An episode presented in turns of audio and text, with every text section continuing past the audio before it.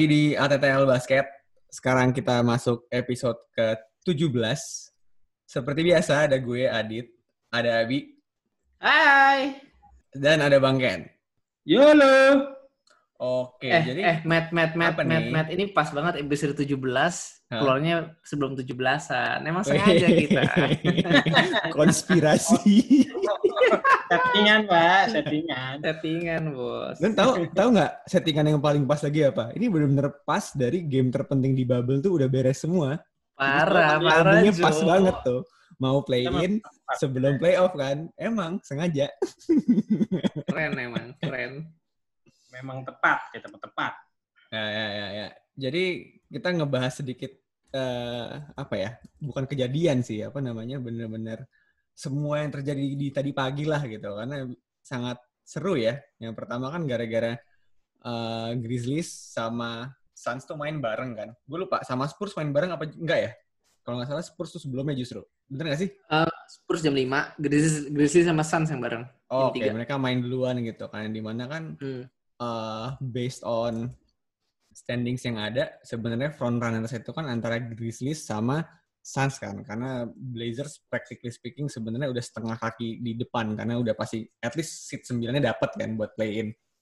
Nah, cuman Yes. memang ternyata uh, semesta itu masih menyelamatkan Grizzlies ya dan kasihan sama Suns sih gue.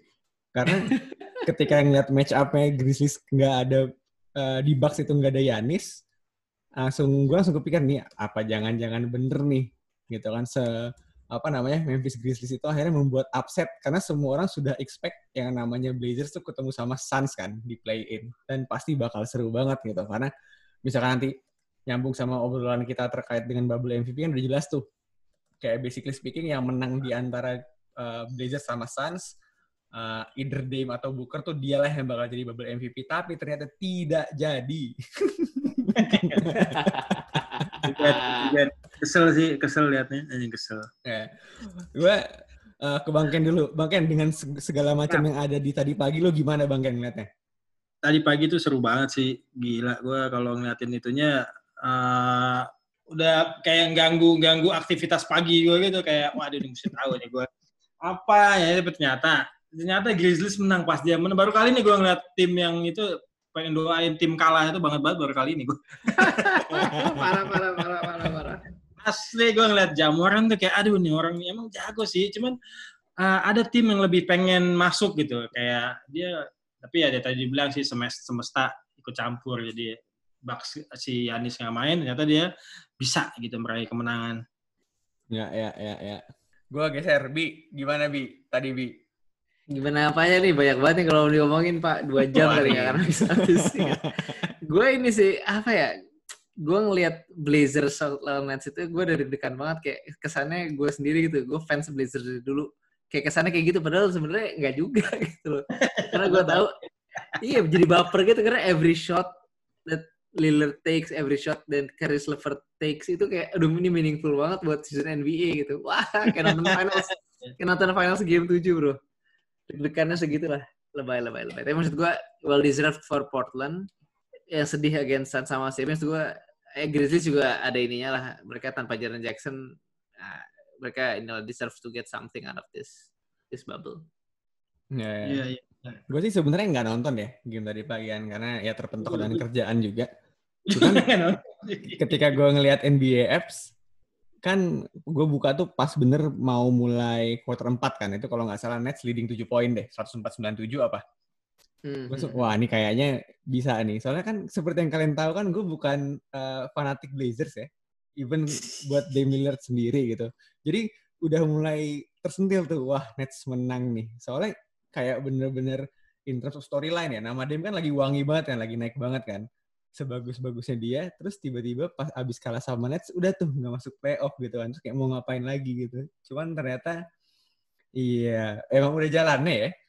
Masih Ternyata menang. ya. jalannya Pak Blazers Jalan. menang. tapi hmm, dia meng-approve ini loh Matt dia proof banget in terms of dia bukan cuma offensive machine doang tadi dia benar-benar fight for defense di ujung-ujung dan dapat dapat steal krusial jadi Hmm. Kyrie Leonard lagi bawa bola leading I think dia udah udah udah bisa nyusul kali itu kan lagi fast break dicolong bolanya dari belakang sama dia. Kayak hustle play yang itu. asis ke McCallum bukan sih? Ah, ah, maksud gue itu bukan apa ya, bukan not the typical superstar play yang hustle gitu loh, itu typical Marcus Smart slash Drew Holiday play gitu. Dan maksud gue itu dia membuktikan bahwa dia emang pengen banget lah masuk playoff. Dan menurut gue ya that's why Portland deserves this. Ya, ya, ya. Gue baru kepikiran sesuatu. Ya, gimana gimana Bang Ken? Padahal beda banget sama yang sebelum sebelum bubble ini kan dia kan ada kemungkinan dia mau main kan. Yo, itu dia, itu dia. Terus, eh, terus gila, gua rasa nih semuanya berhubungan sama si Paul George deh karena sama sejak itu gue baru mau sebut tuh. game sama Clippers itu apalagi dia missing both free throw yang udah di mana kita udah lihat analisis dia yang nggak pernah missing kayak 80% of uh, itu free throw dia pasti masuk dia miss dua itu wah dia habis itu personal. Habis itu dia dua games langsung 56 uh, poin per game rata-rata di dua game terakhir. Gila terus langsung gila. Langsung wow gitu.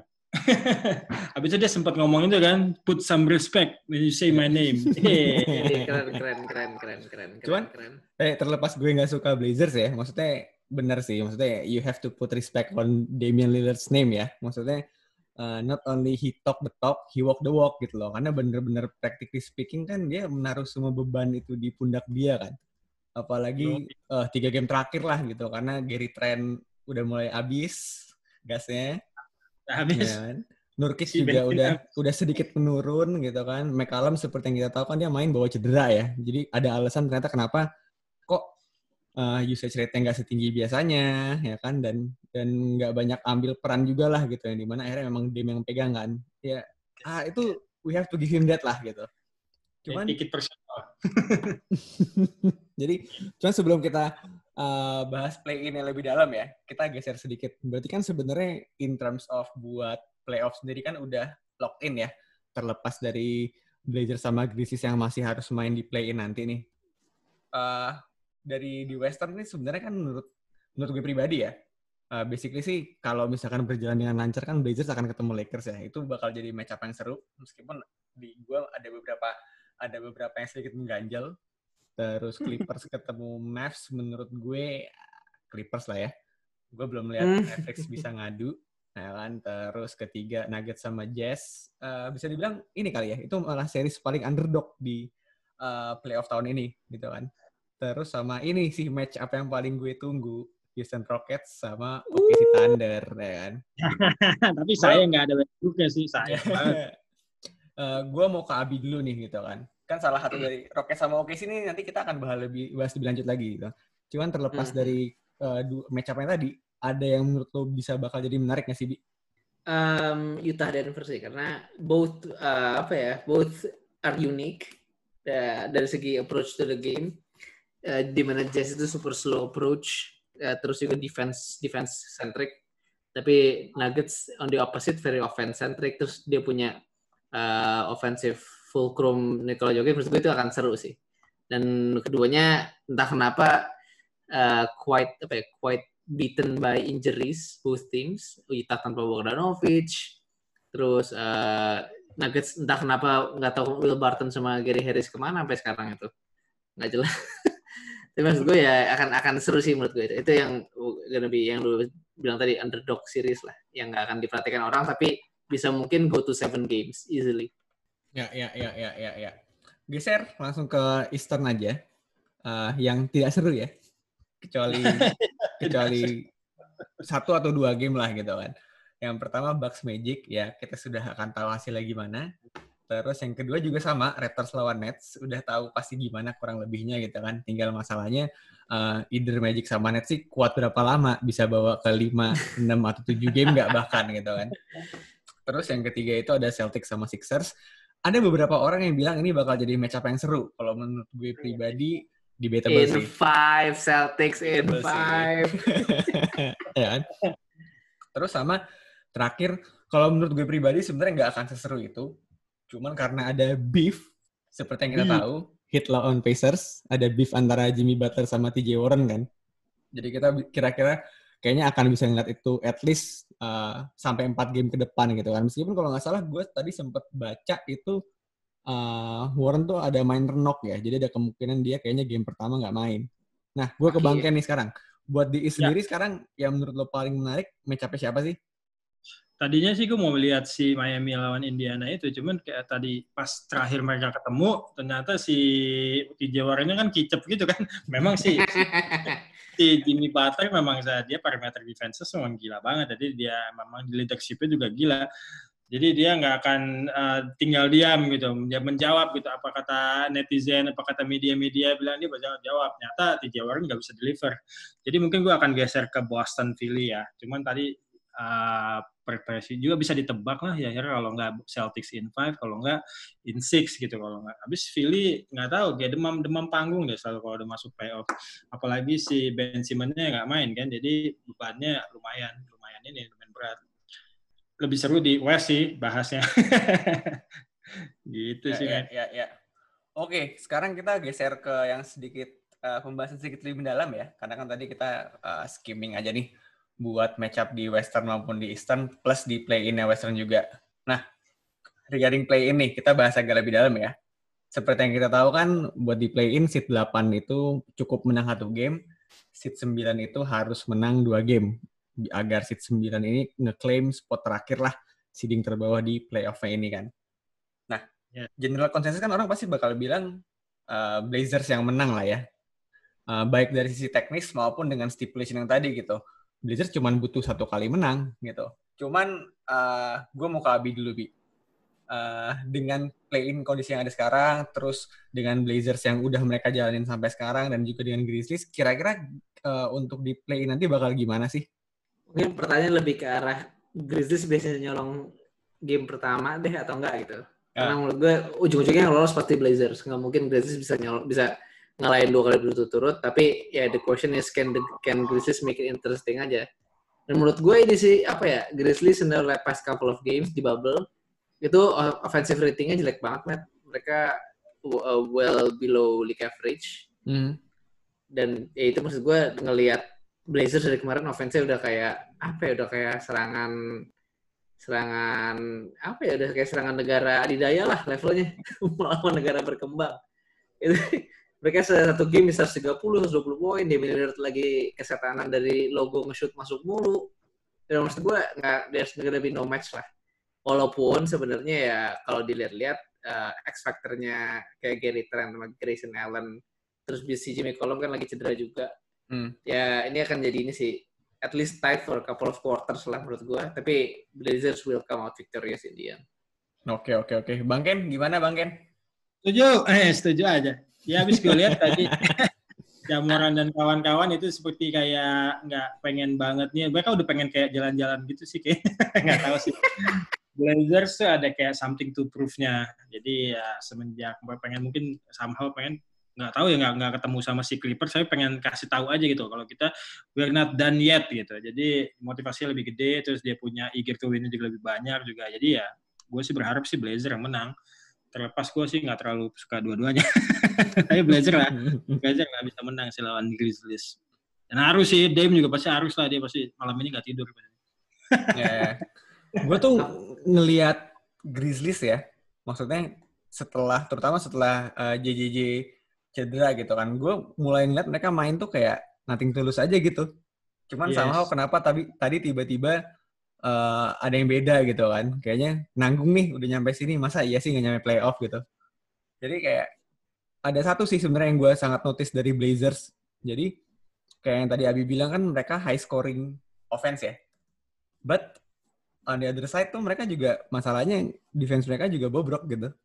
Semua high scoring game tuh basically bukan yang uh, Blazersnya getting away with the game kan, tapi emang kejar-kejaran posisinya gitu loh. Jadi ditambah lagi juga kalau misalkan uh, dilihat gue lupa exactly gimana.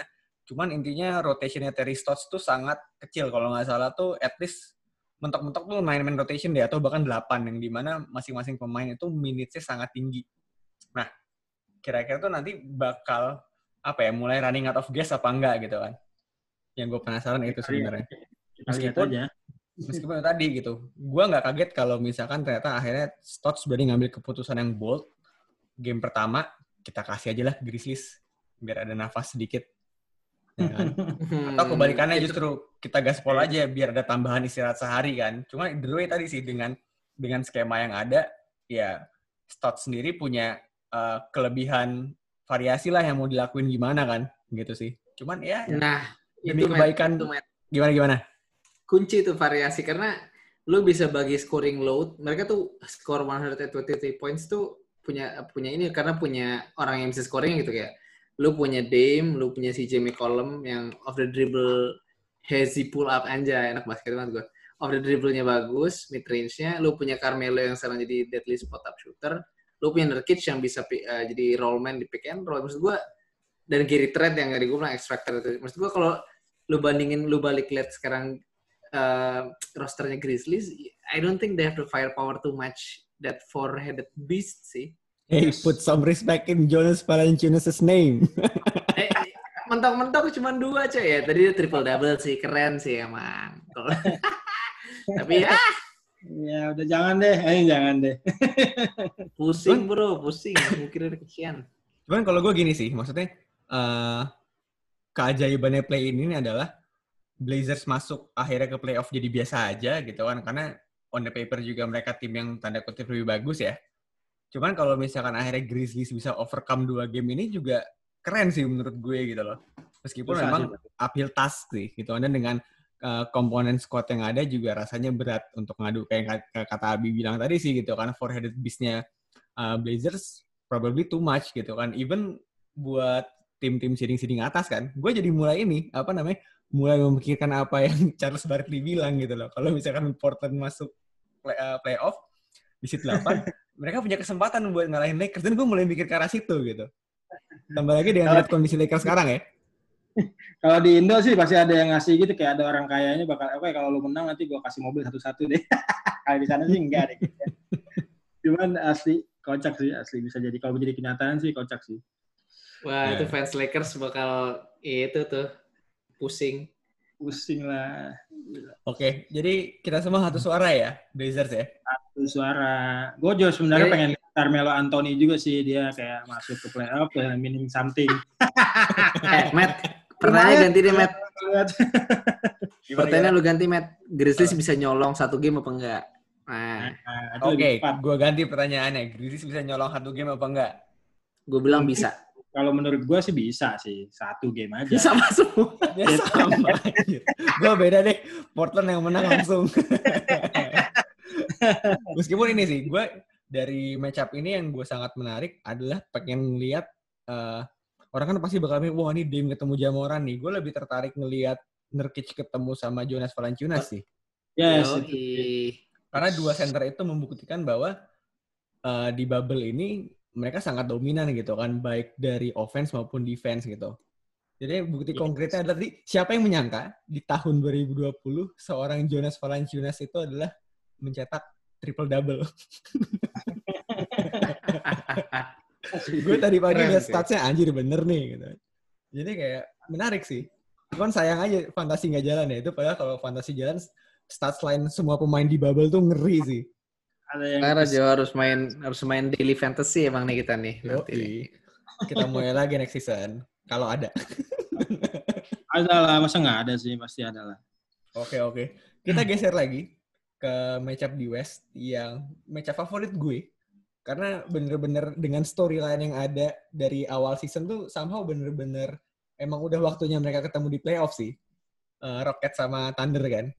Gue ke Bang Ken dulu. Eh, Bang Ken, lo gimana Bang Ken untuk ini Bang Ken? Rocket sama Thunder, Rocket sama Thunder bakal seru banget sih. Cuman sayang kalau si Russell Westbrook uh, bisa cedera. Karena kan kita sempat itu tuh kayak lu pegang Chris Paul, gue Russell Westbrook kan membuktikan gitu. kalau di playoff ini dia tuh tajinya tuh mantap gitu.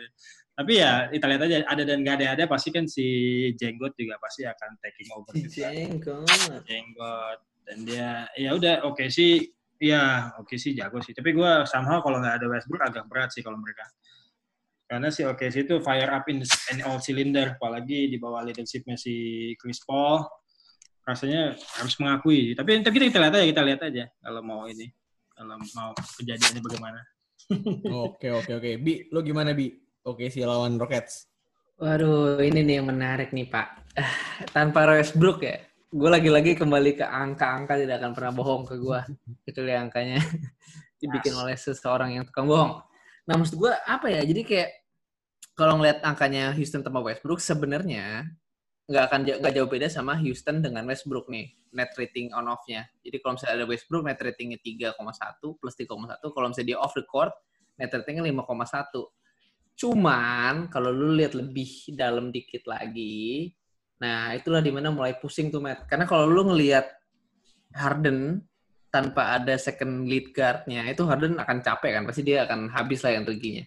Dan Iya. gue mencoba ngelihat nih kalau misalnya dari segi on off split-nya, kalau misalnya nggak ada kalau nggak ada Westbrook di nggak ada Westbrook dan siapa namanya nggak ada Westbrook dan eh, nggak ada Westbrook dan ya ada Harden itu Oh. minusnya gede banget bos parah bener-bener Iya. apa ya, gue lagi lagi gue cek nih itu bener-bener dia um, belala minus ininya gede lah pokoknya net ratingnya jelek banget makanya jadi gue bilang ini kayaknya akan ada masalah nih kalau misalnya Harden harus istirahat dan yang megang kendalinya Rockets adalah Austin, Austin Rivers. Rivers. Kalau nggak Austin River, Eric Gordon. Eric Gordon udah sembuh belum ya? Belum juga tuh, Udah- belum udah main kemarin. belum. Udah main ya? Udah, King. Cuman ya belum. Game terakhir main kan gue nggak tahu deh minutes restriction apa enggak. Hmm, nah, ya udah nggak bisa lah, udah nggak ada Westbrook. Harus dilempar itu, throw into the fire. Tapi ini sih apa namanya eh, terlepas gue fanboying over CP3 ya, apalagi ini ketemu eh, Houston Rockets gitu kan. Beneran kayak kata Abi bilang tadi sih, karena eh, kalau misalkan eh, dari trade-nya eh, CP3 sama Westbrook ini to some level ya, biggest beneficiary-nya tuh James Harden gitu. Karena seperti yang kita tahu kan dia uh, usage-nya super tinggi, load-nya sangat besar yang di mana juga sedikit one dimensional dalam artian uh, the key to Rockets' offense udah jelas Harden kan. When it comes to Hmm. playoff, semua tim tahu siapa yang harus dihentiin gitu. Nah kan, jadi kayak bener-bener ada Westbrook tuh sebenarnya mungkin kalau misalkan kita lihat dari stats mungkin nggak gitu beda ya. Maksudnya nggak terlihat secara signifikan lah. Tapi kalau misalnya kita lihat dari eye test dan pakai ya gue pakai logic sih gitu. Ya, Mm-mm. Harden ada teman untuk membagi beban derita dia sebagai tulang punggung Rockets gitu. Sementara ini nggak ada kan. Dan kita belum tahu Westbrook itu bakal out berapa game. Jadi kayak itu bakal jadi kuncian juga sih. Sama gue ngelihat ini uh, in terms of Houston seperti yang kita tahu kan uh, Murray Ball kan super kecil ya. Gue bakal ngeliat nanti dari OKC itu perannya Stephen Adams cukup gede dan atau mungkin tuh some level Nerlens Noel juga kali ya. Jadi kayak gimana caranya Thunder bisa maximize selisih uh, perbedaan tinggi badan gitu dari personal masing-masing gitu. Nah, satu nama Matt yang belum lo sebut Matt. Siapa tuh? Danilo Gallinari, bro. Oh, oke. Itu menurut gua kunci karena kalau dia kunci bukan dia bisa mengkontribusi ke kemenangan ya, justru menurut gua dia bahayanya bisa kontribusi ke kekalahannya oke sih karena kalau misalnya kalau gue jadi D'Antoni ya, gue akan nyuruh Harden. Iya, gue akan nyuruh Harden minta pick and roll Galinari yang lagi dijaga siapa, lagi ngejaga siapa gitu. Misalnya Galinari lagi ngejaga Oh, Covington. Gue akan iya. minta pick and roll sama Covington karena ya maksud gue let's face it lah, sejago-jagonya Galinari disuruh jaga Harden, ya Iya, pusing gitu. sih pasti kan si si Italian rooster ini satu. Iya, iya, iya, iya, iya. Menurut gue it- itu gimana caranya si Billy Donovan yang digadang-gadang sebagai coach of the year bisa menyembunyikan Galinari di defense itu akan jadi kunci sih. Iya, menarik, iya, iya. menarik, menarik. Ini angle-nya agak beda ya. Jadi eh, all in all sih gue sebenarnya gini, nggak ada ada maupun nggak adanya Russell Westbrook menurut gue nggak akan gitu berpengaruh karena basically Wih. OKC in six. Will sih, Will sih. Gimana bi?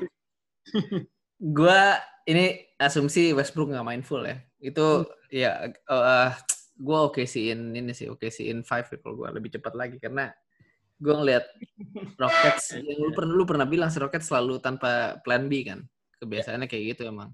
Ya, Iya. Cuman let's let's see lah karena gue lebih lebih apa ya gue ngelihat yang gue bilang kita kita sering bilang juga wing playernya oke sini tiba-tiba Robertson udah balik tuh langsung mereka punya tiga orang yang bisa jaga Harden gitu loh. Um, Robertson, Lou Dort, ya sama Shai Alexander to a certain extent dan menurut gue three defenders yang bisa rotasi for a full game it's too much for Harden sih sejago apa pun dia itu ya Hmm. Iya, iya, bakal capek sih dia. Nanti. capek pastilah Bang Ken gimana Bang Ken? Hamidu Diallo lo nggak sebut. Tadi gue lihat, makanya lihat line up-nya. Hamido Diallo tuh tadi disuruh dukli untuk kakinya nih kayak buker. Cuma Gardia emang iri-iri sih, maksudnya uh, kayak si Deontay Burton walaupun minitnya nggak banyak, si Darius Basley juga Leguendor itu defense-nya bagus tuh. Apa si Gilgis Alexander si Shai itu juga semua bagus sih. Si Fitri juga masih bisa jaga Harden semua lah bisa jaga Harden apalagi mereka tahu kalau nggak ada si Westbrook typically bakal semua ofensif bakal ke Harden semua. They trying do everything buat to stop Harden they stop the Rockets tapi ya mudah-mudahan si Westbrook tapi kalau dibilang 6 6 menang di 6 game ya udah gue rela di kelas jadi oke okay sih juga Oke sih lah kalau nggak ada Westbrook pikir, ya. Gue pikir bakal ada yang megang Rockets loh. Gue kan cuma megang Westbrook doang. eh, Matt, satu hal Matt, gue lupa ngomong. Lu ngomong kan Steven Adams akan jadi peran kunci ya? Ya. Sebenarnya hmm. itu sebuah trap trapnya di Anthony itu. Jadi dengan small ball ini mm-hmm. semua tim akan apa ya tergiur untuk wah let's let's play through the post deh mereka nggak punya orang ini. Maximize. Tapi iya maximize. Tapi maksud gue ada yang ada yang pernah ng uh, eh, ngeliat waktu itu mungkin nanti kita bisa juga bahas di satu post kita jadi defense Rockets in the paint itu jauh lebih bagus setelah mereka ngelepas Clint Capella dibanding sebelum karena orang hmm. justru mau maksa kan jadinya kan mau mau mau ngepost mau fade away dan itu kan yeah, yeah, as we yeah. know is not the most efficient way of playing at this current moment of hmm. time di NBA gitu jadi yeah, menurut yeah. gue itu apa ya sebuah trap yang si Billy Donovan juga jangan sampai uh, terlalu ya. apa ya terlalu tergiur untuk wah Steven Adams nih bisa feasting nih orang tinggi. Ya ya ya. Ya ya. Gue ada satu counter terkait ini dan sebenarnya akan nyambung dengan uh, yang mau kita bahas habis ini sih. Uh, itu kan pas regular season ya. Ini kan playoff. Hmm. Maksudnya uh, satu yang sebenarnya gue sendiri karena apa ya? Mungkin bisa dibilang karena gue juga tidak paham dengan sepenuhnya akan bilang doesn't really make any sense. Cuman kalau misalnya kita dengar major media outlet dengan segala macam uh, expert, mereka pada bilang kalau misalkan itu udah sampai di playoff, basically record lo di regular season, terus uh, strategi lo yang ada tuh belum tentu akan ke transit dengan baik gitu. Jadi kayak satu yang, maksudnya gue bukannya berarti uh, mendinai apa yang tadi lo bilang ya Bia, ya. cuma maksudnya sesuatu yang gue juga sebenarnya masih belum pegang sepenuhnya, tapi somehow tuh kayaknya bisa kejadian juga gitu. Karena bener-bener mungkin in terms of stats, uh, pas Houston Rockets setelah ngelepas Capella basically main small ball defensive uh, defense di paint lebih bagus. Gue juga kalau sempet baca deh uh, artikel dari The Athletic kalau nggak salah ya kan. Nah, hmm. cuman itu tadi sih yang gue penasaran adalah uh, ketika udah nyampe playoff tuh banyak variabel yang lain kan. Dan itu iya, gimana yeah, itu yeah, berpengaruh yeah. ke baik ke Rockets maupun ke Thunder. Alias hoki. hoki tuh itu Kawhi dengan shot of the decade itu ada yeah. hokinya kan contoh lah gitu eh. oke kita geser ke matchup yang kedua dari East ini uh, Celtics lawan Sixers ya yang harusnya sih uh, di mata orang awam bukan mata orang awam ya di mata fanatik kedua tim pasti kan jadi matchup yang seru ya karena kan mereka bisa dibilang tuh some level rival juga kan rival, rival. ya rival seperti yang kita tahu kan uh, Simmons nggak main nih gue mau ke Bang Ken dulu. Lo bakal ngeliatnya match up ini gimana Bang Ken? Match up ini akan seru banget sih. Cuman uh, di uh, kalau kita bicara mengenai East, kalau kita lihat Celtic, Celtic mungkin ini time untuk Celtic dia unjuk gigi gitu. Atau selama ini Celtic tuh selalu kayak nggak tahu ya pemain-pemainnya entah masih muda entah apa kayak belum ada leader yang benar-benar bisa bawa Celtic ini buat go further di playoff. Kan kalau bisa lihat melawan si 76ers, mungkin ini kesempatan mereka kali untuk ini untuk uh, memenangkan pertandingan playoff ini antara dia sama si, sama si 76ers. Apalagi ada pemain-pemain kayak si apa Enes Kanternya masih bagus, nggak cedera. Terus ada si apa Marcus Smart yang cukup hype juga belakangan ini. Ada Jason Tatum yang udah workout segitunya. Jadi gue rasa sih uh, kalau antara Celtic dengan 76ers mungkin in five kali dia away in five. Celtics in five. Mm -mm, Celtics in five. Uh. Abi gimana bi? Gue baru lihat ini ini. Matt, menur menurut gue pertanyaan harus lu ubah, Matt. Bukan siapa yang menang, siapa yang akan berantem duluan nih. gue menurut gue apa ya? Ini akan jadi ini apa ya? Very very inilah tense, tense, high high intensity match up walaupun again tanpa Ben Simmons ya akan akan nggak akan seseru itu gitu. Cuman dengan adanya Al Horford mungkin bisa kali. Eh sorry dengan Al Horford sudah pindah tim. Kan tadi kan Al Hmm. Horford adalah Joel Embiid Joel Embiid killer. Yoi. Sekarang justru jadi Joel Embiid ini eh, sidekick. Nah, Menurut Sidekick. gue kalau misalnya mereka bisa exploit that size advantage, tapi again ya it's it's no match lah fire and ice at this point. Jalen Brown, Jason Tatum duet terlalu bagus dan Marcus Smart menurut gue bisa inilah bisa bisa menginstigasikan beberapa perkelahian di, di series ini. Gue lebih lebih megang berapa kali sih Marcus Smart dorong Joel Embiid. Yoi, sengaja lah ya. Eh tapi ini sih Embiid juga nggak 100% kan ya kalau nggak salah. Iya, masih Embiid belum full. juga. Kemarin kalau nggak salah main masih minute restriction nih, cuma 13 menit apa kalau nggak salah. Sepatu baru sih. Cuma kayaknya kalau dipikir-pikir ya sejauh gue inget di era modern, nggak sedikit yang punya sepatu baru, abis itu cedera deh.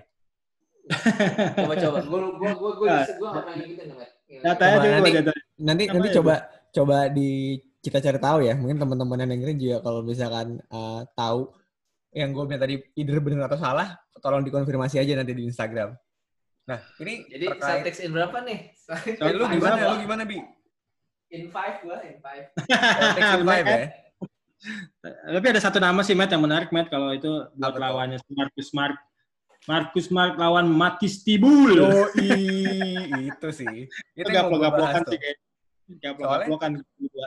Soalnya gini, eh kenapa menurut gue ini match paling seru di East ya?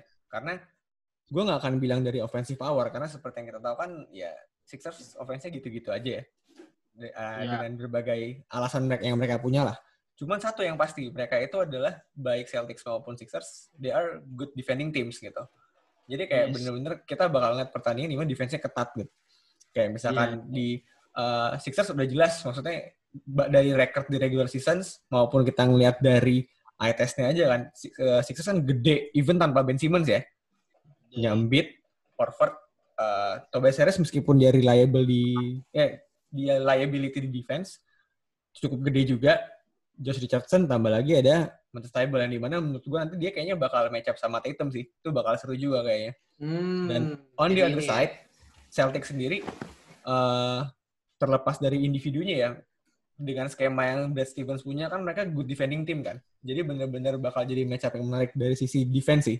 Jadi mungkin nggak kaget kalau misalnya tiba-tiba ada low scoring game di eh, di game ini gitu.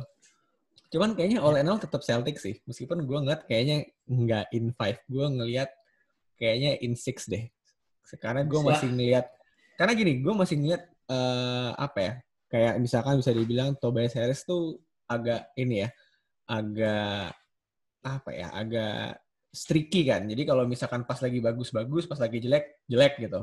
Nah, gue ngeliat kalau misalkan di salah satu game ini pas dapat yang Tobias Harrisnya lagi naik, kayaknya sih Sixers bisa ngangkat gitu. Cuman ya tetap Celtics in six sih. Celtics in six. Ya, ya, ya. Nah, tapi ini loh. Iya, boleh lah gue aguin lah. Yang gue sedih satu match. Hmm, Kalau tampal eh tapi timpal-timpal terus nggak bisa bisa. Em, satu hal yang yang akan gue sedih sih kalau misalnya Celtics kalah, eh kalau Sixers kalah, Hmm. kita nggak ada lagi nonton vlognya Matisse Taibul bro. dia bener-bener ini ya memanfaatkan momen uh, dari di apa namanya selama break yang bener-bener Instagram dia hits banget kan dan dia ngebawa momentum itu sampai di dalam bubble gitu. Shout out to Matthew Taibul sih. Pansos, pansos, levelnya pansos. Kayak kita lah sekarang.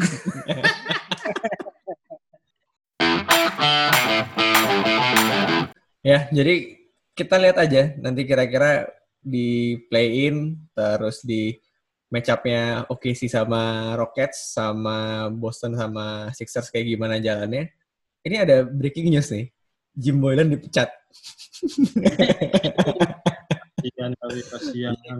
kalau misalkan buat yang nggak tahu Jim Boylan itu pelatihnya Chicago Bulls Gu- gua Bukan akan pelatih bilang itu perusak itu perusak tim bukan pelatih. gue akan bilang itu at the very least ya enam bulan terlalu telat gitu harusnya lu udah dari kapan tahu Iya. ngelepas ya soalnya kan kayak pas awal uh, NBA mau mulai gue pun melihat uh, Bulls itu sebagai salah satu playoff contender lah ya karena mereka punya komposisi tim menarik kan punya Zach Levine punya Laurie Markkanen ada Wendell Carter Jr ada favoritnya Abi, Otto Porter, sama Wih, ini kan, best tuh. Kobe White. Bagus sebenarnya. Gue kenapa ngeliat Otto Porter tuh biasa aja, nggak ada yang spesial dari dia gitu. Tapi Gaji konsisten banget, bos. Tapi Gajinya nggak sesuai, nggak sesuai dengan gajinya dia gitu. Nggak Dia segitu. cedera Itu- itu. Itu gajinya itu front office Washington aja yang yang jelek nggak bisa nge-value dia dengan benar. Takut itu waktu dia restricted Takut free agent, lepas. Iya. takut dilepas, makanya ditawar tinggi. Eh, dilepas juga. Iya, nggak jelas kan. Karena cedera, cederanya kan parah dia kan. Tuker siapa sih? Kalau Hmm. gue nggak salah inget Jeremy Grant deh. Atau bukan deh? Apanya? Part of the Itu deal. karena siapa? Wah lupa. Ini eh, Bobby Portis. Hah, Bobby Portis. Melotot mulu kerja. Gua kalau Iya. nge fantasy Bobby Portis kesel mulu belakangannya anjir. Mungkin nggak bisa deh. Males banget deh. Ini kayak dengan Jim Boylan tuh gue lupa dua tahun ya megang Bulls ya. Nggak nggak bawa Bulls ke arah mana-mana gitu, kasihan. Dan Ke belakang, ke arahnya ke belakang. dan gue ngeliat ini sempat baca berita kalau nggak salah bahkan udah mulai ada rumor Levin juga mau pindah kan. Mau ke Knicks dia katanya, mau ketemu Tibbs. Ketemu tips itu kacwa itu lututnya hancur. Knicks tapi ya mungkin lebih hancur lagi kali. Udah lama juga tapi nggak nyebut hal-hal yang berbau New York Knicks. Iyalah. Janganlah, jangan, jangan, jangan. Eh, jadi kita lihat aja nanti siapa yang gantiin Jim Boylan dan semoga bisa ngebawa Bulls ke arah yang, ke arah yang tidak ke belakang sih kayak kata Abi tadi. Eh, Oke, jadi kita masuk lagi. Basically sih eh, Bubble Awards karena emang NBA bilang akan mengadakan itu ya, meskipun yang udah dikonfirm baru Bubble MVP sama All Bubble Team ya. Yes, Iya. yes. Ya nggak sih ada atau ada lagi yang yang bakal di Udah, kayaknya, kayaknya itu doang deh. itu doang ya. Oke oke, kita nanti akan masuk ke sana. Cuman eh, Abi sudah membuat eh, awards awards lain ya buat di NBA Bubble ini. Keluar, Ya keluar. kan? Yang di mana kita akan menyuarakan pendapat masing-masing. Yang pertama adalah most stupid violation. Karena seperti yang kita tahu kan ada beberapa kejadian konyol ya yang mengakibatkan pemain ini mendapatkan uh, dapat ban lah ya dan harus uh, meninggalkan tim dan karantina dulu kalau nggak salah. Gue mungkin ke Bang Ken dulu. Versi lo siapa Bang Ken? Ya, gue pasti tahu lu pasti Ami. Tapi yang paling the most uh, mention itu ya si Luwil lah. Luwil, Luwil dia mau apa studi study tour bareng kayak sama temennya mau kerja kelompok kata izinnya. Cuma, cuman begitu lihat si yang perempuannya, eh bukan perempuan, di kliennya itu bilang, oh dia tip me cukup bagus dia ngetipnya itu tai banget sih kayak gue ngeliat wow ternyata Luwil gitu ya ngetip ngetip ya pasti Nah, gue sama sih sama Bang Ken, Luwil gitu kan. Karena bisa dibilang versi ceritanya tuh ada yang berbeda gitu kan. Tadi yang Bang Ken bilang terkait di strippernya juga, terus sama kan cerita versi yang mungkin bisa dibilang, gue nggak tahu 100% benar apa enggak, yang lebih mendekati adalah karena Luwil emang keluar dari bubble untuk uh, pemakaman orang salah satu orang terdekat dalam hidupnya dia lah gitu kan, yang di mana Luwil juga bilang dia mentornya dia. Cuman, karena kebetulan ini di Atlanta. Nah, katanya itu memang dia, Luwil itu uh, katanya tanpa berpikir dengan sangat clear tuh dia berangkat ke Magic City ini, strip club ini yang di mana katanya emang punya chicken wings terbaik di Atlanta gitu kan. iya iya iya Cuman nggak tahu nih bener apa enggak gitu. Cuman menurut gue itu dalam kondisi uh, di bubble gimana ya itu quite stupid sih gitu kan. Oke oke. Geser. Abi gimana Bi? Gua masih paling hebat adalah Richaun Holmes sih. Kayak kalau lu maksud gue ya dia udah di luar gitu. I mean dia punya hak untuk beli makanan dan secara historically speaking kalau dia emang bisa back to the fact bahwa ada menu atas nama dia, ya berarti emang dia suka makan di situ dong. Ya menurut gue itu nggak bodoh lah. Dia cuma su- sangat suka. Dia, pengen- dia orang lapar sih dibilang bodoh. Eh, tapi Richard tapi Richard juga sebenarnya nggak lapar sih dia ngambil makanan di luar cuman apa ya sepele banget bro kayak lu cuman keluar 8 kaki tuh 10 meter dari garis zona yang diperbolehkan kenapa nggak nyuruh orangnya jalan 10 meter ke arah lu sih? Itu very very avoidable itu kayak. Sangat sangat bisa kayak lu nyuruh gojek kayak mas sini mas jalan bentar gitu, jalan dikit. Gojeknya nggak mau. Dia yang jalan. Aduh menurut gue ini sih itu yang paling avoidable sih. Dan dia harus apa dia harus dikarantina 10 hari lagi dan menurut gue Richard itu cukup inilah cukup ber berimpact ke permainan Kings. Saya kira Kings kayak itu deh, nggak jelas kan. Kesian sih. Oke oke kita geser lagi. Ya kan? Tadi kalau misalkan Abi udah masukin most stupid violation, yang kedua ini juga menarik nih karena sedikit berbau fashion. Uh, most in need of haircut gitu. Jadi pemain yang paling butuh potong rambut. Uh, gue ke Abi dulu. Siapa Bi? Versi lo Bi? Gue nggak ngerti ya ini orang bukan nih orang saya kayak di NBA itu udah nyediain barber shop di dalam bubble udah ngundang barber terbaik di seluruh Amerika tapi ini orang gue kemarin pas lagi tadi pagi lagi nonton nih baru sadar nih kenapa ada Delonte West 2.0 ya. Si Tyler Johnson bro. Dan dia rambutnya kan jadi jadi keribu asik gitu dan dia yeah. maksud gue secara skin tone itu nggak nggak apa ya nggak segelap itu. Jadi maksud gue kayak kayak unik lah bentuknya. Terus ditambah giginya ompong kan bos. Orang ini kan suka take charge gitu. Giginya ompong jadi kayak udah ompong rambutnya ke mana-mana. Menurut gue udah dia yang harus paling selesai selesai selesai bubble ini harus paling sih harus paling ke main ke barbershop dan dirapihin tuh sedikit. Plus ke dentist lah untuk ngisi tuh gigi biar nggak bolong. Dentist. Cuman ya, uh, ngomong-ngomong Tyler Johnson nih, gue juga kayak Abi bilang sih, gue lagi nonton highlights Nets, gue anjir ini siapa ya? Kok gue gak kenalin sama sekali? Gitu kan. Bingung gak lu? Orang kulit uh, orang kulit terang ya gue karena Tyler Johnson sendiri kan dia mix ya. Kan uh, istilahnya light skin gitu kan. Ini siapa nih? Kulit terang tapi kok rambutnya ngembang ya? Begitu close up kan anjir Tyler Johnson kan. Seperti kita tahu kan sebelumnya kan rapi ya rambutnya kan. Ini tiba-tiba panjang out-outan gak jelas gitu. Kalau lo siapa Bang Ken? Tyler Johnson kayak ngikutin itu tuh temen-temen setimnya kayaknya si yang lain. Kalau gue sih tetap sih tadi main pilih si Boban mungkin karena dia terlalu gede karena dia nggak potong rambut. Nggak muat. Gede banget, cuman dia mungkin nggak punya tempat cukur rambut yang muat sama badannya dia. itu dia kayak lepek all the time gitu dia. Nah, gue mesti dia sih. Cuman antara dia atau enggak si Joakim Noah. Joakim Noah tetap asli sampai sekarang kayak si Delan Tewes versi tiga asli gondrong banget. Dia lah atau si Boban. Boban tapi kalau udah gede rambutnya begitu nggak disisir terus lepek lagi. Aduh itu gede banget ya kan? Ya gitu deh. Ganggu sih menurut gua. Kan Boban tuh emang gila sih. Soalnya tapi gua kalau nggak salah Boban tuh emang segitu nggak sih rambutnya? Cuma lebih panjang aja sekarang segitu dan lebih panjang tapi kayak lu biarin dia tergerak udah gitu kayak di cuman digituin pakai ini doang. Tadi kayak rambutnya si siapa tuh yang di pemain Kings tuh. Ganggu juga sih aja Boban sih gue tadi lihat Boban asik. Wow. Oh, rambutnya Belica Belica. Nah itu Belica. tuh pilihan gue tuh soalnya se sebenarnya ini agak nyambungin tadi uh, bilang kan udah ada barbershopnya jelas gitu. Dan seperti yang Abi sempat mainin sebelumnya kan tandemnya dia Bogdan Bogdanovic kan juga gondrong ya. Cuman kan akhirnya he came to his sense, akhirnya potong rambut kan. Nah ini tiba-tiba temennya seorang Bielitsa ini kayak enggak, gue gini aja gitu. Dan bener, gue akan bilang ya, nggak cocok sih. Soalnya muka dia kan kotak ya. Terus dia dengan rambut gondrongnya itu aneh gitu. Kayak dia orang mau ngapain gitu. Dan apalagi juga seperti yang kita lihat kalau misalkan dia dalam kondisi biasa kan rambutnya cepak rapi kan. Ini tiba-tiba gondrongnya yeah. gitu ekstrim sih. Jadi kasusnya agak-agak mirip Tyler Johnson. Cuman gue gengges banget ngeliatnya gitu si Bielitsa ini. Menurut gue dia ini kayaknya deh. Dia nggak tahu dia tuh gratis. Jadi kita bayar kayak ah nggak mau ah males. dia udah kayak anak gue gitu kalau mau sekolah pagi-pagi cuman basahin tangan terus rambutnya ke kananin dah. gitu doang asli. Kasih habis.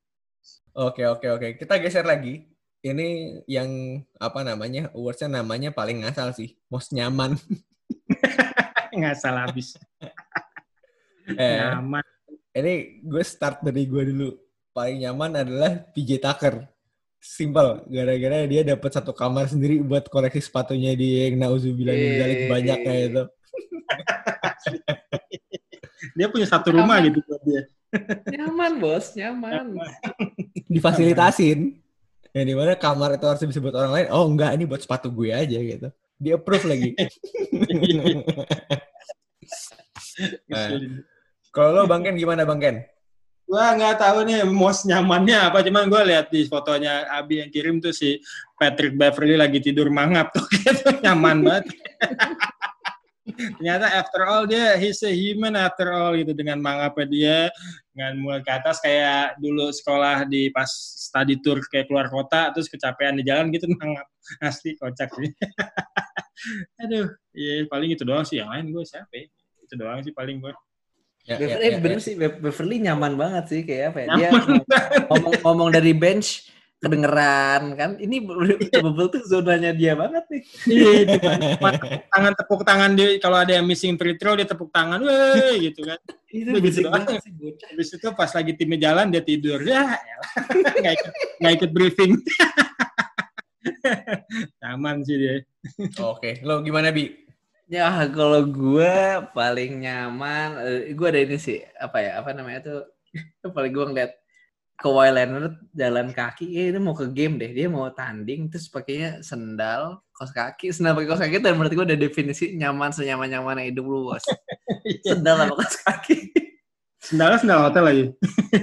gue lupa sendal apa sendal sendal biasa, slippers biasa yang mereka pakai Balance. gitu lah pokoknya. Eh, Oh, Pokoknya tapi menurut gue kayak ya enak banget bos. Sendal kayak gitu kayak jalannya kayak detek ya kayak jalan ke Hawaii gitu lah kayak jalan yang kayak udah nggak peduli apa. Cuman kayak itu, di apart itu sebuah ini sih statement sih, karena kan bisa dibilang eh, NBA kan awalnya bilang kayak lo dari kamar lo sampai di lapangan udah pakai atribut tim kan. Yang di mana akhirnya kan mereka pada protes kayak, wah nggak bisa dong gitu kan. Akhirnya dikembalikan lagi lo bebas dengan eh, berbagai macam jenis fashion yang lo mau pakai kayak kawai kayak ah gue bodo amat udah gini aja mau apa lu? gitu. Itu parah sih apa, apa yang ada di atas apa yang ada di uh, laundryan paling atas dipakai itu pas itu. Orang bajunya nggak muter kalau di kosan paling senang tuh si ibu-ibu kosan itu cucian Yoi. di simple. Simple. Warnanya paling kalau nggak hitam putih abu-abu merah. Jadi gampang bisa. Bukan Eh. paling atas bang deh. Ada juga yang unik nih Matt. Si ini si apa tuh? pemain-pemain Dallas main pingpong. Tapi yang main, yang main pingpong Kristaps sama Bobby sama Boban. Jadi kecil meja pingpongnya banget. Parah parah parah parah. Ya, pegang-pegang bola pingpongnya tuh kayak jarinya mereka kan gede banget kan. Terus pegang bola pingpongnya asli. Ya, iyalah. kayak pegang Iya, kacang bener, pilus. iya. Kayak megang kayak megang pilus bener aneh. megang bat tuh juga gitu, kayak megang sendok. Eh, boban aja megang bola basket kan megang bola voli Iya, makanya kan. Eh, Oke, kita geser sedikit ke versi yang mulai serius-serius sedikit. Ini ada best bubble moment. Gua ke Bang Ken dulu. Menurut lo momen paling bagus di bubble apa Bang Ken? Momen paling berkesan gue sih waktu si Yanis nyeruduk itu si Wagner. Mo Wagner! Dengan bibir merahnya itu yang kayak hahaha terus si Slenduk des gitu. Waduh. Jatuhnya lebay lah ya, elah. gue nggak tahu apa yang menyebabkan si Yanis bisa nyundul kayak gitu kayak menjidan Mo Wagner. Tapi itu kocak sih kayak buat apa gitu. Tim dia udah udah menang dan itu kuarternya juga kuarter kedua kan kayak ngapain sih lu? Maksudnya kayak gitu tinggal ini aja kayak mungkin kalau si TJ Warren sama Jimmy Butler bisa nempelin hidung gitu nggak perlu disundul kan kayak ditempel sampai hidungnya nepuk gitu ya nggak bakal disuspend suspend kan tapi ya kocak sih itu momen-momen kocak. Habis itu kalau lo lihat si Mo Wagner setelah itu ada video di mana dia kayak ada personal trainer dia tuh kayak mencet-mencet dadanya dia tuh kayak au au aduh gini banget. Aku bungtur aku bungtur kayak tuh puntur gitu kayak ah pada cuma gitu tuh atau kesel. Gimana kalau video tuh nyampe ke Yanis tuh? Ah nggak kebayang deh. Tapi itu momen momennya kocak sih. Yanis dengan Inggrisnya yang gitu kan terus kayak komentarin videonya ah kocak sih. Berkesan berkesan buat gue itu di bubble bubble momen ini Tapi ya, maksudnya bahkan bukan untuk di bubble kan bisa bilang NBA sekarang itu kalau katanya pemain lama kan soft ya dalam artian eh, di luar pertandingan kalau misalnya itu bukan bagian dari pertandingan kontak fisik itu diminimalisir sebagaimana mungkin kan. Jadi kayak tiba-tiba seorang Yanis yang bisa dibilang eh, relatif stabil ya emosinya gitu, ini tiba-tiba nyundul tuh juga unik sih gitu. Oke, Iya, gue atau geser. mungkin Ah, atau mungkin dia udah ini Matt dia udah ngeliat videonya sebelum main jadi kesel ah, cemen lu, des. kocak sih kocak sih Iya, iya, iya. seven foot Yanis gitu nyundul das ada kocak banget asli Oke, oke, oke. Kalau lo gimana, Bi? Best bubble moment lo siapa? gue yang paling bikin terharu sih introduksinya Suns waktu mereka main di game ketujuh oh itu keren tuh keren keren itu uh, NBA atau ya, kayaknya NBA atau timnya sendiri gue nggak tahu. Pokoknya mereka surprise the, the starting lineup dengan introduction keluarganya yang introduc, intro, apa yang introduce. Jadi kayak dia Dayton oleh anaknya atau ininya atau keponakannya gue nggak tahu. Dia pokoknya lucu anak kecil terus Michael Bridges oleh ibunya yang akhirnya banyak netizen komen wah ibunya cantik juga nih ibu lu sabi juga nih sabi walaupun itu rada twisted tapi ya itulah terus kayak Cam Johnson keluarganya Devin Booker dan maksud gue very touching sih menurut gue itu kayak apalagi the Suns went on to go 8-0 undefeated ya, itu menurut gue yeah, that and the Suns are kind of the bubble ini defining inilah defining team of the bubble moment and team. Ya, ya, nice, ya. Nice. Nah, kalau misalkan ngomongin Michael Bridges dan ibunya ya, kayak yang lo bilang sih, Bi. Seperti yang kita tahu kan, ibunya kan kerja di Sixers ya. Dan akhirnya kalau seperti yang kita notice di video itu dia pakai baju Suns tuh. oh, Mungkin. Iya, iya. Ya. Nah, oke. Okay. Gue gak, gua gak merhatiin bajunya sih, Matt. Ya lah. kan ada di videonya. Eh, maksud gue, gue gak merhatiin baju, gue merhatiin maknya. ya, tapi itu, cuman itu nice touch sih. Yang di mana bagi mereka yang jauh dari keluarga kan sudah hampir dua bulan berarti at the very least kan. Kayak begitu tiba-tiba ada, tanpa mereka tahu ya, di video introduction yang biasa cuman dari announcer biasa ini tiba-tiba dari orang-orang terdekat mereka pasti ya jadi extra boost juga sih yang akhirnya 8 and 0 ya. Cuman kalau gue best bubble moment nih, sebenarnya bukan moment ya, karena setiap kali orang ini main pasti akan ada gitu. Paul Millsap dengan baju di belakangnya vote for Millsap gitu. Soalnya kayak gue nggak tahu sengaja apa nggak, sengaja sih dia pasti milih. milih kan. Tapi bener-bener somehow pas gitu kan, karena kan tambah lagi juga di US lagi election year kan. Jadi somehow kayak dia mau mengencourage untuk orang biar vote for Millsap gitu. Jadi itu unik banget sih. Gue pas pertama lihat itu kalau nggak salah dari story-nya Tripit deh. Itu gue ngakak sih, lucu banget. vote for Millsap Ya, ya, ya, baik. Niatnya Kebetulan baik. dia namanya namanya nomornya emang empat dia emang ya. Makanya. Jadi basically kalau misalkan ada pemain yang nomor empat, kalau misalkan mau apa namanya membela voting dan lucu-lucu dikit, ya lu pakai namanya vote aja pilihannya kan boleh kan? Iya. ada satu lagi bet yang kayaknya ini deh, yang kayaknya unik. Apa tuh? ada yang itu bikin meme kayak kan ada yang nama belakangnya How Many More kan. Hmm. Terus kayak ada yang ini Danny Green harusnya namanya How Many More nih karena dia setiap kali dia nge-shoot terus miss Maksud... semua fans semua fans nanya How many more Danny Green?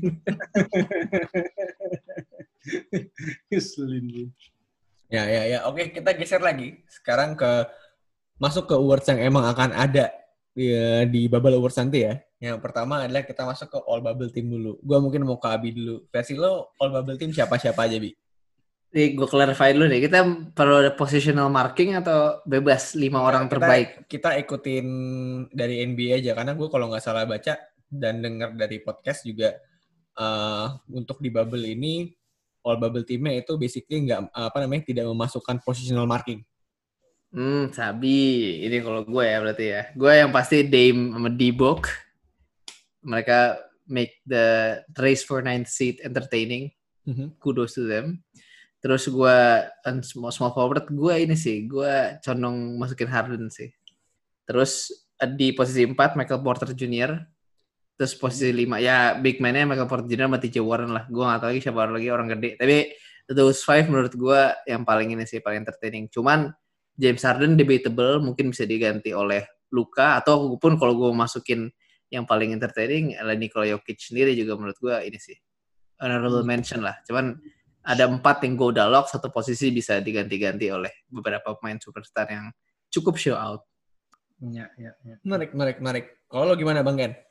Kalau khusus di bubble ya gue nggak jauh beda sih tadi mungkin tapi gue akan menambahkan si benar-benar kalau misalnya hype Dame posisi satu dua Booker tiga mungkin TJ Warren kali gue pengen lihat dia sebenarnya more give me more gitu TJ Warren kalau Dame ya pasti kita lihat kan dia uh, average game tiga game terakhir udah 50 lebih dan dia mesti mesti lah mesti masuk ke all team bubble. Terus dia uh, si tadinya gue mau pilih Doncic cuman Doncic kayaknya melempem ya. Jadi gue enggak aja kalau buat si big man-nya mungkin I'll go over with uh, Jonas Valanciunas. Yo JV JV uh, karena seru sih di mana saat Jaren Jackson cedera dia taking over dan dia bisa deliver dan dia memang memang ya, wow tuh.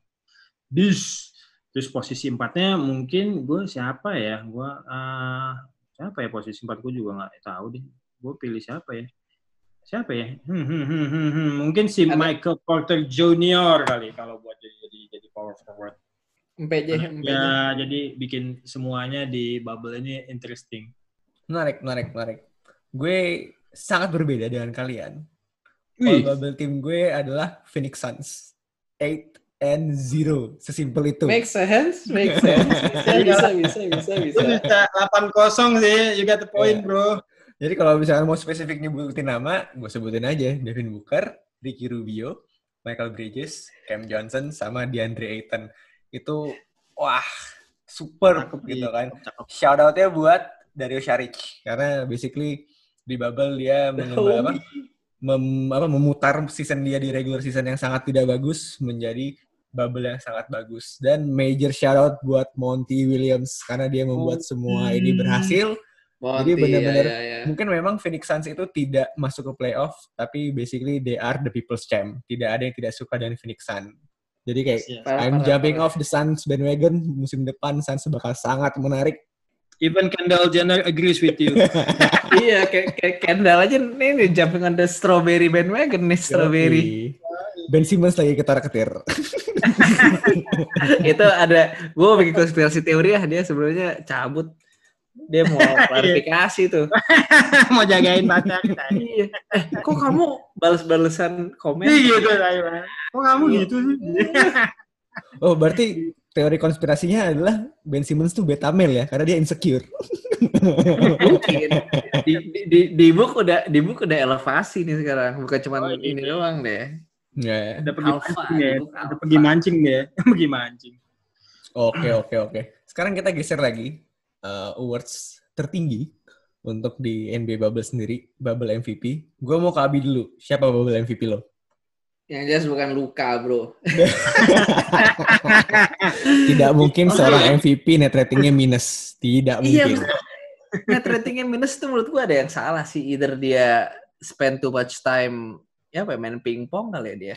Main sama Boban kali juga gendong-gendong. Atau ya atau ke- kebanyakan ngejek-ngejek JJ Bare ya kali kualat dia. Kurang ajar. Bocah. Ngatain Jadi Bare. Orang tua nih kata-kata. Ini maksud gue ini sih, Luka dia walaupun numbersnya bagus tapi setelah dilihat lebih dalam lagi net ratingnya minus jadi kayak nggak aneh. Gue ide antara tiga dan mungkin kita juga pasti akan revolve around these three names kan TJ Warren, Ya, ya, ya. D-Book sama Dame. Gua I think gua kalau by stats TJ Warren yang paling wah sih. Efisiensi sama net ratingnya paling tinggi. Dia defense juga bagus kan timnya. Gua tapi D-Book sih. I mean the fact that dia bisa uh, apa ya menginspirasi Suns walaupun itu secara kolektif tapi dia the most valuable player on a team that went 8 and 0 plus he shoot his shot to Kendall Jenner and he scored gitu lah. I like strawberries. Ya, gue, it's gonna be that's gonna be my tagline dari sekarang. I like strawberries. Ke istri gue apa pun I like strawberries aja udah. Oke. di book for me ya. di book. Oke, oke, oke. Bang Ken gimana Bang Ken? Gue kayaknya mesti ke Dame, Damian Lillard. Karena dia bisa uh, proven bawa timnya semenjak mungkin karena tadi gue bilang sempat mention sebelumnya karena dia miss dua free throw krusial di dalam hidupnya dia itu langsung dia motor up and hyper up gitu jadi fire up juga semua ada silinder deh pokoknya dia mau buktiin dan ya dia ya jadi MVP buat bubble ini sih cocok banget sih gue sih dia Damian Lillard Ya, ya, ya, ya. Gue juga sama sih sebenarnya. Sama tuh dalam artian salah satu dari kalian ya. Karena kan basically speaking, misalkan let's say ngomong TJ Warren, stats wise iya, cuman seperti yang kita tahu kan, yang namanya NBA itu regarding milih awards itu kan pasti harus ada storyline-nya ya, ada narasinya kan. Dan di mana TJ Warren sendiri kurang lah, tambah lagi juga momentum eh, momentum dia jelek karena dua game terakhir satu dia nggak main, eh sorry tiga game satu game dia nggak main, nanti dua game yang dia main juga memang ya menurun akhirnya gitu kan. Jadi kan either Dame atau Book. Dan gue seperti dengan apa yang pernah gue sampaikan sebelumnya, itu akan jatuh kepada orang yang achievementnya lebih gitu kan. Berarti yang ini sesimpel bahwa ya memang Damian Lillard sih. He, he, he talk the talk and he walk the walk gitu. Karena uh, meskipun yang gue kurang suka adalah karena bisa dibilang apa ya, uh, quite an individual performance kan. Karena bener-bener spotlightnya semua di dia, meskipun ya spotlightnya dia ambil gitu. He really own the spotlight gitu. Cuman kalau misalkan dari gue pribadi sih lebih seneng kalau Booker yang menang. Karena kayak yang tadi Abi bilang sih, karena dia nggak cuman ngebawa diri dia sendiri, tapi dia inspire timnya kan. Dan tambah lagi juga ya, dan again, 8 and 0, Phoenix Suns in the bubble gitu. Jadi ya, uh, tetap gue akan bilang Damian Lillard karena yang akhirnya masuk ke play-in kan Blazers ya, bukan Suns. Cuman uh, sebenarnya siapa pun yang menang antara dua itu well deserved karena basically mereka berdua itu memberikan tontonan yang sangat gila di bubble buat kita semua yang udah lama nggak nonton NBA nih gitu kan. Dan tiba-tiba di beberapa game terakhir basically mereka stole the show. Jadi gila sih gitu kan. Respect buat Damian Lillard sama Devin Booker siapa pun yang menang very well deserves. Yes, yes, yes. Setuju, setuju. Sempat tapi kalau TJ Warren menang MVP ya, gue jadi Jimmy Butler sih itu videonya gue play di di screennya sih waktu lagi penyerahan. Atau atau atau kalau Dame yang menang, yang ngasih harus Patrick Beverly bro. Bukan Paul George. Kata mereka berdua. Karena tanpa mereka berdua kata-ngatain menurut gue Dame gak akan se-fire tap itu sih. Pasti he won't channel his inner Dame time. Damn yeah. time kalau kata Bang Ken. Damn time. Bener, damn time. Nggak, karena basically Paul George, Pat Bev sama ada satu nama yang tidak mention Marcus Morris. Karena itu itu part dari dari kejadian itu tuh. Jadi kayak mereka lupa kalau misalkan Damian Lillard tuh alpha male gitu. Alpha male kan kalau dipanas-panasin makin ngangkat kan? Iya sih benar jadi kalau dipikir-pikir ya, kalau misalkan Demi Lillard yang menang, let's say, let's say ada uh, apa namanya reception speech-nya kan gitu kan. I want to thank Paul George, Pat Beverly, and Marcus Morris for clapping at me during that Mungkin game. Sih. Or else I won't be here tonight. Karena Dame tuh tipe orang yang ini baperan sih orang itu gue yeah. Ada yang nyolot dikit dibikinin dis dis oh, dis, track. Apa namanya? Dibikin rap rap yang ngedis. orang baperan sih. Apa ini komen apa ini komen. Tapi ya udahlah. Nggak masuk all NBA komen. Nggak masuk all, all star komen. Kan ditanya pak sama reporter. Iya sih ya, benar juga Cuman gue pengen ini sih, Matt. Gue hmm. pengen hmm. kalau misalnya Dem, uh, kalau mendingan gue pilih Dem daripada Booker. Kenapa? Kalau misalnya Booker menang itu ngasih kayak inputan materi gitu buat yang megang Twitter Suns tuh asli. bener bener bener bener bener. Oh, itu iya. kepalanya gede, itu kepalanya gede banget. Gue tahu siapa yang megang Twitter Suns buat tuh. admin Twitter Suns. He's the real MVP.